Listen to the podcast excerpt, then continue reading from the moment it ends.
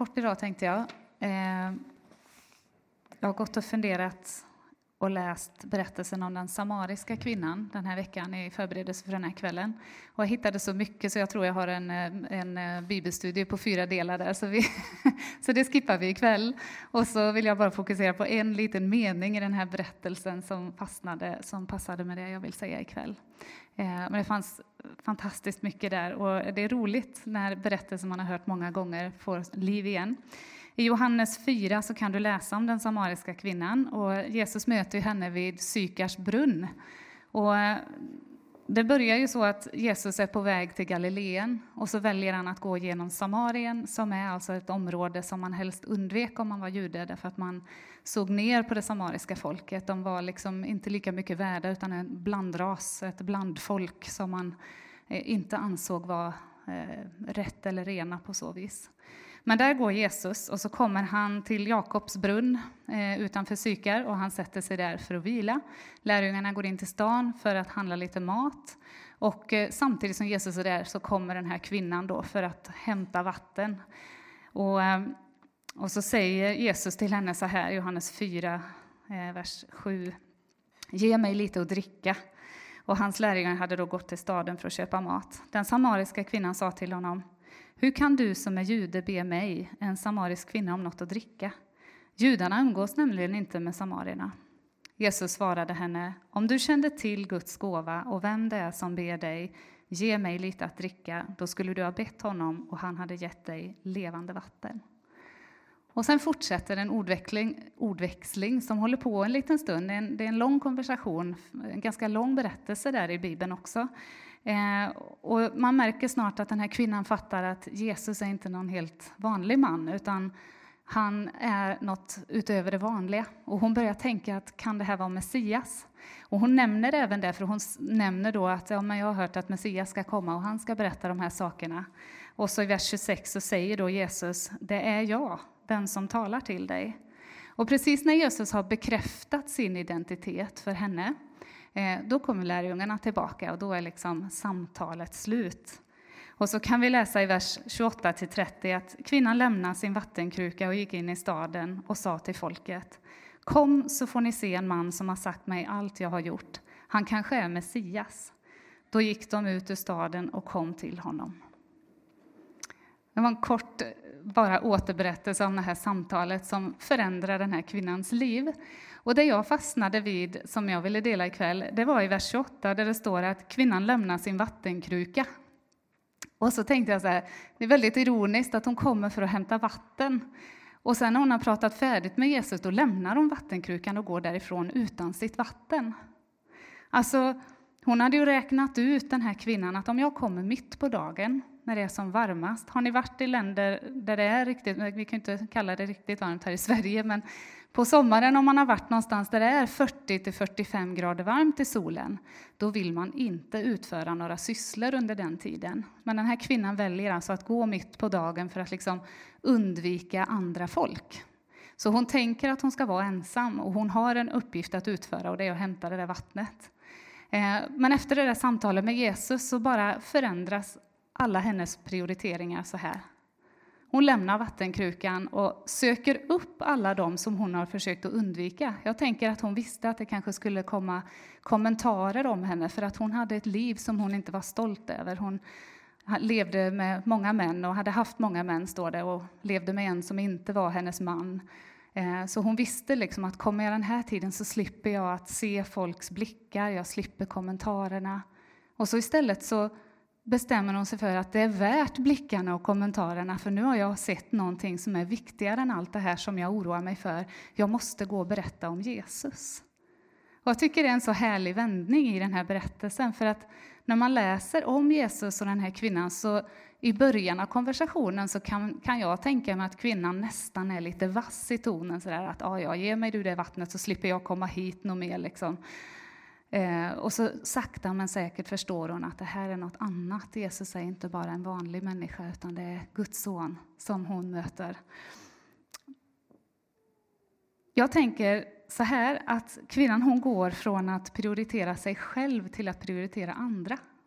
Kan man säga så? Hon prioriterade ju sig själv utifrån det att hon helst ville slippa ja, andras blickar eller andras åsikter och tankar om henne. Och helt plötsligt så blir det, jag måste tänka på andra, eller jag vill tänka på andra, jag måste få berätta om Jesus. Och en sån vändning i en människas liv kan ju inte bara komma för att man helt plötsligt bestämmer sig för att, äh, nu, ja det kanske man kan, jag vet inte, jag har inte mött det i alla fall så ofta, men att man bestämmer sig för att nu struntar jag i vad folk säger och så bara kör jag mitt race. Hon var inte riktigt i en sån position i livet, förstår man när man läser berättelsen. Men bara så här så blir Jesus så intressant, så viktig och så verklig att hon lämnar vattenkrukan och går och gör något helt annat än det hon tänkt från början. Ändrade prioriteringar. När Niklas ringde mig igår, vi pratade om gudstjänsten här, så började han vårt samtal med att berätta det som han gav i inledningen här om eh, att viga en kväll åt sitt liv åt någon annan. Och eh, jag sa, tar du det imorgon, för det passar precis med det jag hade på hjärtat att säga också. För jag tror det är så här att en smittande tro förändrar våra prioriteringar. Det får oss att tänka Gud först. Gud, vad vill du med mitt liv? Vad vill du med min tid? Vad vill du med mina pengar? Vad vill du med mina talanger, med mina gåvor? Och då tänker jag både naturliga gåvor och andliga gåvor. För var och en av oss kan ju olika saker. Vi jobbar med olika saker, vi pysslar med olika saker, vi vi är bra på olika saker. Jag kan något som inte du kan. Känner igen söndagsskolesången? Men Gud har en uppgift som passar för dig och en annan som passar för mig. Och jag tror att det där är så sant.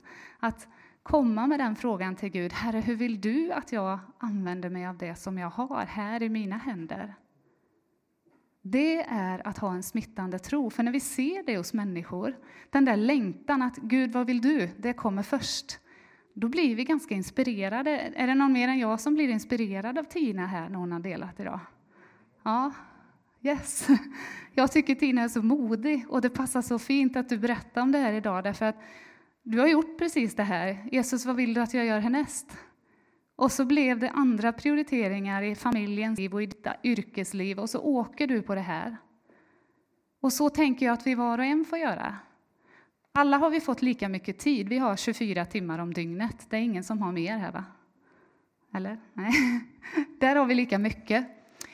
Men vi kanske har olika mycket pengar och vi har olika gåvor och unika talanger. Och Gud liksom använder oss på olika sätt.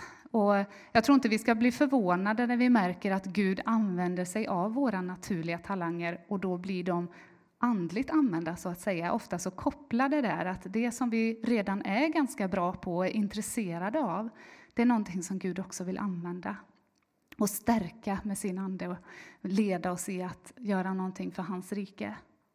Och jag tycker att det, det skakar om mig och det utmanar mig att läsa det här som kvinnan, om jag nu försökte sätta mig in i hennes skor lite grann, att vilken jobbig vändning på sätt och vis. Hon som hade verkligen ordnat sitt liv att undvika människor blir så berörd av Jesus att hon lämnar vattenkrukan och går därifrån utan vattnet som var viktigt att hämta och går och möter andra människor för att berätta om honom.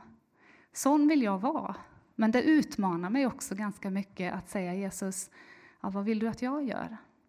Och jag tänkte så här, vi är ganska många här som har varit kristna länge. Och när man varit kristen länge så kan man glömma bort det där med prioriteringar, tror jag. Det kan vara en sån här sak som vi behöver återbesöka. Att ständigt säga, Herre, nu har jag gjort det här en tid, vill du att jag fortsätter? Ja, det vill jag.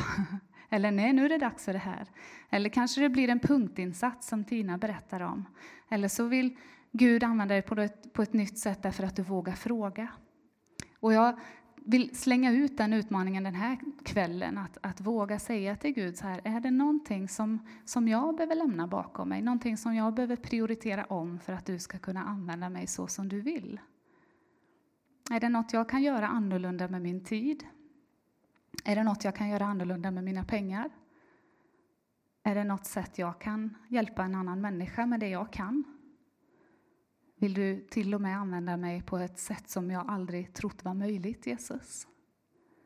Det är lite av en, en eh, fråga som utmanar oss när vi börjar fråga den. Men jag vill understryka en sak när jag säger detta.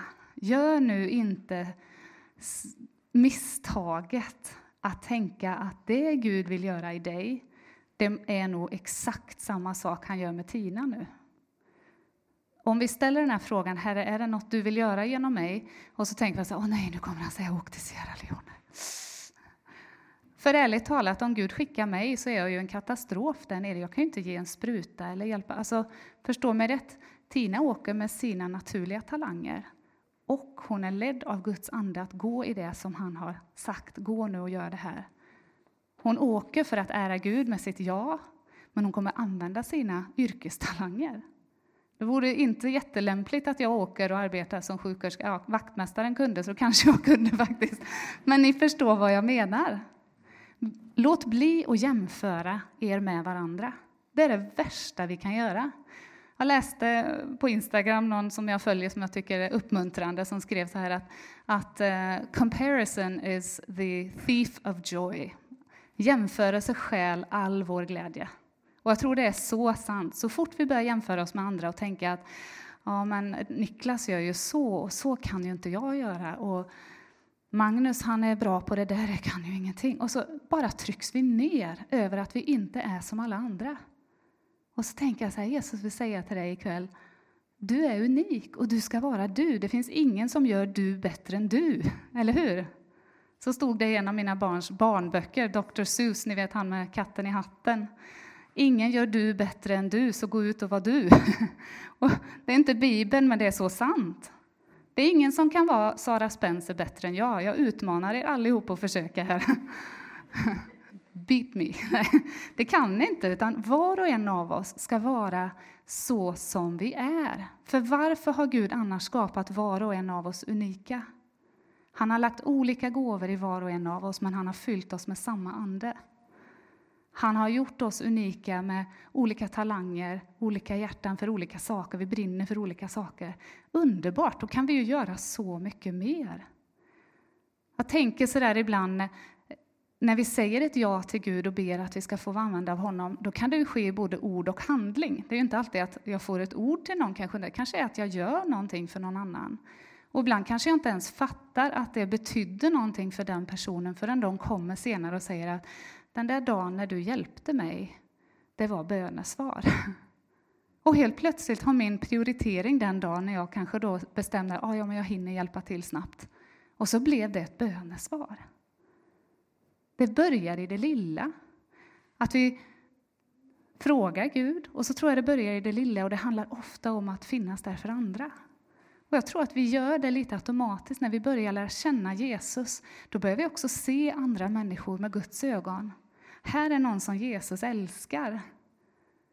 Och det kan vi påminna oss om också varje dag, till och med när man går till ICA. Här, är, här går människor du älskar. Kan jag hjälpa någon här idag? Inte vet jag, men det kan ju vara en bra träningsplats. ICA träningsplatsen. Kan jag uppmuntra någon när jag är här? Kan jag få höra din röst, Herre, och bli använda dig på något sätt? Jag vet inte. Men jag tror att när vi öppnar upp för att höra den helige Ande så kan det bli på sätt som vi inte har tänkt. Jag vet att jag berättade om förra årets resa när vi åkte till USA och jag bad Gud att jag skulle få prata med någon för jag ville träna när jag inte var på hemmaplan. och så hamnade jag i samtal med någon på flygplanet. Det var bara det att det var det där planet som lyfte sex på morgonen och jag var jättetrött och tänkte att kunde vi inte spara det till nästa flight. Men det blev en bra träning att få vittna om Jesus för någon som jag inte kände och vi pratade en bra stund där. Och jag tyckte det var jättejobbigt, för det är inte något som jag tycker är lättast att göra. Men Gud vill utmana oss och hjälpa oss att växa på alla de områden som vi inte är trygga med. Men framför allt tror jag att han vill använda oss i det vi brinner för och kan och är duktiga på. Men han ber oss att säga, sätt mig först så kan jag få vara med och använda dig i dina gåvor på ett sätt som ärar mig och visar andra vem jag är. För det är klart, vi kommer möta människor. Jag tänkte på det när Tina sa att mannen som hon åker med är ju eh, ateist, sa du. Han säger det själv. Människor har kapacitet att göra mycket gott. Det ska vi ju veta om. Men skillnaden är ju att när jag säger Gud, hur vill du använda mig? Då vill jag ju att han ska bli ärad. Det blir han ju inte om jag inte söker att ära Gud. Så när du och jag säger jag vill också vara med och göra gott, men inte för min äras skull, jag vill göra det för din ära Gud, så att andra får upptäcka vem du är. Det är så vi blir ljus och salt i den här världen. Det är så människor får se. Det finns något mer, det finns något större. En smittande tro förändrar våra prioriteringar. Jag tror på alla områden. Och jag vill egentligen bara skicka med den tanken idag. Finns det någon vattenkruka du ska lämna bakom dig? Finns det någonting i ditt liv som ja, kanske du behöver prioritera bort för att säga ja till Gud och nej till det som bara var för din egna vinning? Det är en fråga jag tror är bra att bära med sig hela tiden. Och särskilt när vardagen blir det här vanliga. Jag tänkte på ett exempel och det kommer från två veckor sedan så hade vi föräldrafrukost här. Och då pratade vi lite om att föräldraskapet är en kallelse, åtminstone om man ser det utifrån Bibelns sätt. Att Gud kallar föräldrar att forma en annan människas liv. Vi är med och formar andra människor när vi blir föräldrar. Och om Gud har satt en kallelse där, då tänker jag att han vill att vi prioriterar det och tror att han vill använda oss där och att han kommer utrusta oss för tjänsten. Så att gå i tro i det vi gör, även om det tar lång tid. Det, kanske, det är ju en lång tid man har hand om sina barn till exempel. Och ibland kan det få vara de här små sakerna där man får vara med och uppmuntra någon annan, be för någon annan. Det är inte alltid synligt. Ibland sker det i det osynliga. Men Gud vet. Han vet om ditt hjärta har sagt Herre, du först och jag sen. Eller om ditt hjärta fortfarande säger jag först och sen lite av dig, Gud, om jag hinner. Och det där tror jag är en ständig Herre, hjälp mig att känna in mitt hjärta så att det är du först och jag sen. Därför att jag vet att du har lovat att visa mig den bästa vägen, leda mig in i det bästa livet leda mig genom alla prövningar jag kommer att möta. Där står det också att vi ska möta svårigheter och prövningar. Men allt det kommer att föra oss ut på andra sidan som guld som renats i eld. Det är vad vi vill vara. Guld som renats i eld. Vi kan få gå igenom svåra saker för att följa Jesus. Men när han för oss på den vägen så renar han oss, förvandlar oss och gör oss mer lika honom så att vi får mer och mer ära hans namn. Finns det någon vattenkruka som du ska ställa bakom dig? Finns det någonting som du behöver prioritera bort för att få prioritera Jesus mer? Det är min fråga ikväll och den gäller till mig lika mycket. Vi ber tillsammans. Herre, jag tackar dig att du vill vara först i våra liv. Därför att du förtjänar den platsen, Herre. Du är den högste, du är kungars kung, du är herrars herre och vi har fått sjunga ditt lov den här kvällen. Herre, jag ber att du fyller oss på nytt med en förundran över vem du är och låter oss på nytt bli så ja, men förälskade i dig, Herre, så att vi glömmer vattenkrukan vid, vid brunnen och springer för att berätta om dig, springer för att tjäna dig, springer för att förändra våra liv så att de formas efter din vilja och inte vår. Herre, jag ber att du möter oss varje dag när det känns som att det har blivit rutin på livet. Påminner oss om att nej, men du är fortfarande på vägen jag kallat dig. Eller att du kommer in och justerar oss när vi behöver följa dig lite närmare. Tack Jesus att du vill tala in i våra liv om hur vi använder vår tid, våra pengar och våra gåvor och talanger. Och så ber jag Herre att du beskyddar oss var och en mot jämförelsens plåga, Herre. Vi vill inte jämföra oss med andra. Vi vill se på dig och lita på, Herre, att du har gjort oss så som du har tänkt att vi ska vara. För att vi tillsammans ska kunna få återspegla den härlighet som är din, Herre. Tack Jesus att du välsignar oss och vill tala till oss. I Jesu namn. Amen.